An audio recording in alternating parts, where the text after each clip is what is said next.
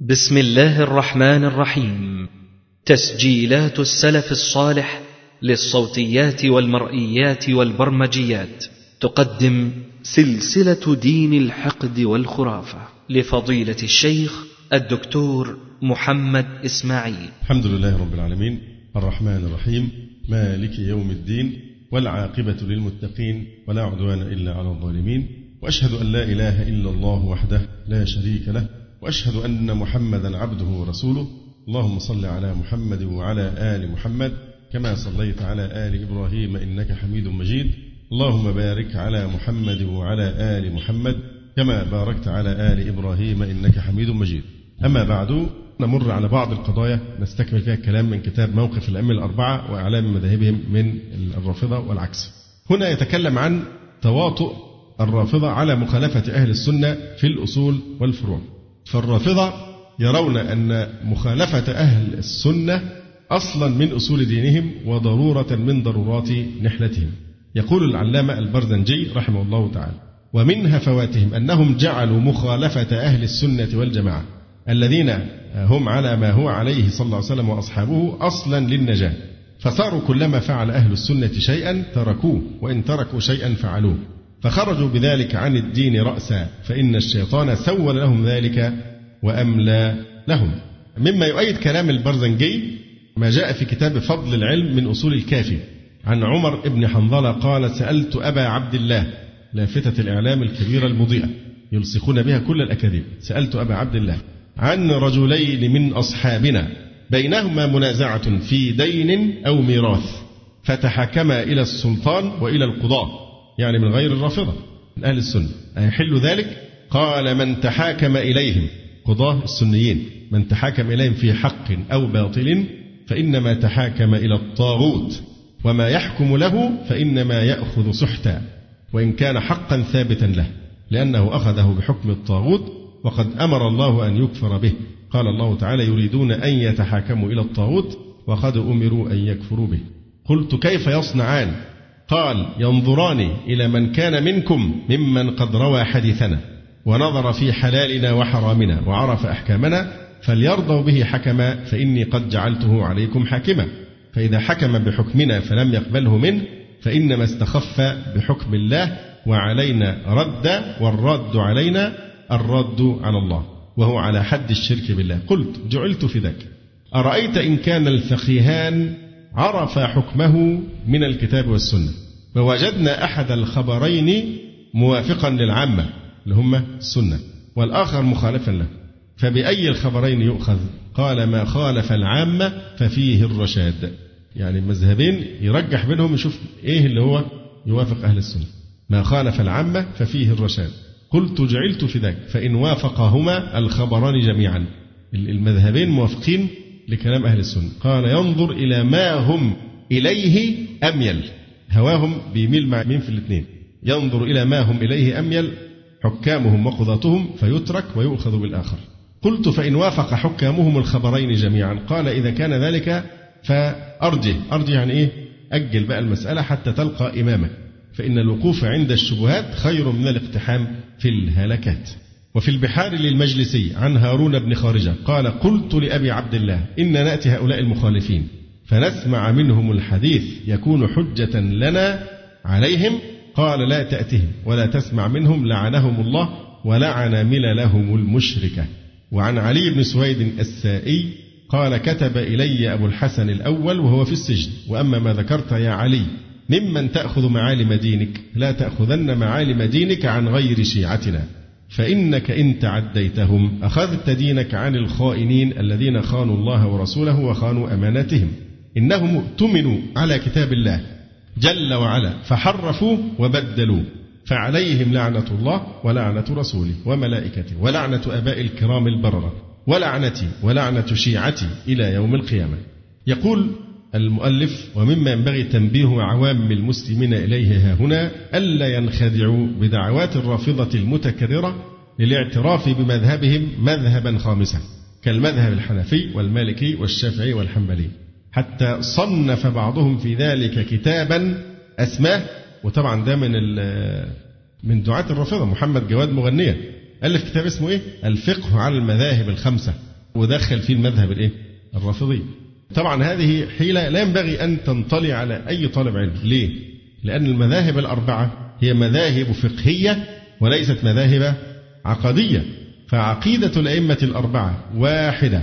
أما المذهب الرافضي فمذهب مخالف لمذاهب المسلمين جميعا عقيدة وفقها. شيخ الأزهر السابق الشيخ جاد الحق علي جاد الحق رحمه الله تعالى حذر من هذه الظاهرة الخطيرة. فقال رحمه الله نحن نرى أن الإمام الشافعي رضي الله عنه وقد نشأ أول ما نشأ بمذهبه في العراق ثم رحل إلى مصر فكان له مذهبان القديم والجديد. فعندما جاء إلى مصر وحاور علماءها وفقهاءها واختلط بشعبها وأعرافه وعاداته تغيرت آراؤه في بعض الفروع لا في أصول الدين لأن أصول الإسلام واحدة وهذا يعطينا المثل الواضح على الفكر وحرية الفكر في الإسلام. الحرية المنضبطة التي لها أصول وقواعد. فإذا جاء الخميني الآن ليفرض مذهب الشيعة فإن هذا اتجاه يرفضه المسلمون جميعا لأن المذاهب هي مذاهب فقه واجتهاد لا مذاهب عقدية فالإسلام عقيدة واحدة. وتساءل بعض الكتاب المعاصرين وهو الدكتور علي أحمد السالوس حفظه الله تعالى قال وأحب هنا أن نوجه سؤالا للذين يريدون أن يجعلوا من المذهب الجعفري مذهبا خامسا هذا السؤال. هو ما حكم الصلاة؟ مش أنتوا بتقولوا أنتوا مذهب خامس؟ جنب كده أبو حنيفة والشافعي ومالك وأحمد. فالشيخ السلوس بيقول لهم هسألكم سؤال واحد بس. ما حكم الصلاة خلف أبي بكر وعمر وعثمان وغيرهم من الصفوة الصافية للمسلمين؟ إيه الرد باطلة لأنهم يكفرون الصحابة رضي الله عنهم. فهو سؤال ذكي في الحقيقة. سؤال ذكي. ما حكم الصلاة خلف أبي بكر وعمر وعثمان وغيرهم من الصفوة الصافية للمسلمين؟ وهل يمكن أن يعد مذهبا إسلاميا خامسا؟ ذلك الذي يحكم ببطلان هذه الصلاة. أيضا آه، مما أخذوه أي الرافضة على الأئمة الأربعة في العقيدة دعوى أن أهل السنة يثبتون صفات رب العالمين ويدعون أن إثبات الصفات على منهج السلف تجسيم يقول البياضي وهذا ابن حنبل يذهب إلى تجسيم الرب الجليل ولا يخفى ما في أحكامه من التضليل. وحاشا الإمام أحمد وسائر أئمة أهل السنة من هذا الكذب وهذا الافتراء. فطبعا هم لهم سلف في هذا كالجهمية والمعتزلة وأفراخهم من الأشعارية الكلابية والماتريدية الذين ينفون صفات الله عز وجل إما كليا وإما جزئيا. وطبعا هذا موضوع مقتول بحثا عند أهل السنة معروف أن صفات الله سبحانه وتعالى كيف يكون المسلك معها من الإثبات بغير تكييف ولا تعطيل والأدلة في ذلك كثيرة فنتجاوزها لأن الإخوة يعني يشبعونها بحثا في الغالب يعني في حين ان في ناس من قدماء الشيعة من قدمائهم كانوا متهمين بالتجسيم مثل مين؟ شيطان الطاق بل كان مسرفا في عملية التجسيم والعياذ بالله وفي بقى جايبين نصوص هنا من بعض كتبهم فيها تجسيم لصفات الله عز وجل بما لا يجوز بحال من الأحوال. جلس جهم بن صفوان الترمذي يوما في مجلسه يدعو الناس إلى ضلاله اللي هو نفي صفات الله عز وجل. فسمعه أعرابي كان على الفطرة فتنبه فورا لخبث مقاله فأنشد قائلا ألا إن جهما كافر بان كفره؟ ومن قال يوما قول جهم فقد كفر. لقد جن جهم إذ يسمي إلهه سميعا بلا سمع بصيرا بلا بصر عليما بلا علم رضيا بلا رضا لطيفا بلا لطف خبيرا بلا خبر. أيرضيك أن لو قال يا جهم قائل أبوك امرؤ حر خطير بلا خطر مليح بلا ملح بهي بلا بها طويل بلا طول يخالفه القصر. حليم بلا حلم وفي بلا وفا فبالعقل موصوف وبالجهل مشتهر جواد بلا جود قوي بلا قوى كبير بلا كبر صغير بلا صغر أمدحا تراه أم هجاء وسبة وهزءا كفاك الله يا أحمق البشر فإنك شيطان بعثت لأمة تصيرهم عما قريب إلى سقر. فيعني أوائل الرافضة مجسمة وأواخرهم معطلة ينفون الصفات معطلة جهمية وجايين هم يتهموا أئمة أهل السنة بالإيه؟ بالتجسيم قاتلهم الله أيضا مما انتقده الروافض على أئمة المذاهب الأربعة رحمهم الله تعالى أن أئمة السنة يمنعون التوسل بالنبي صلى الله عليه وسلم وأهل بيته رضي الله تعالى عنهم هذا أمير محمد القزويني الرافضي بيستدل بقول الله تبارك وتعالى يا أيها الذين آمنوا اتقوا الله وابتغوا إليه الوسيلة. فبيقول يعني ده يدل على التوسل بمن يكرم على الله عز وجل وأتى بحديث استسقاء بإيه؟ بالعباس رضي الله تعالى عنه. ثم قال وحسبنا هذا في مشروعيته.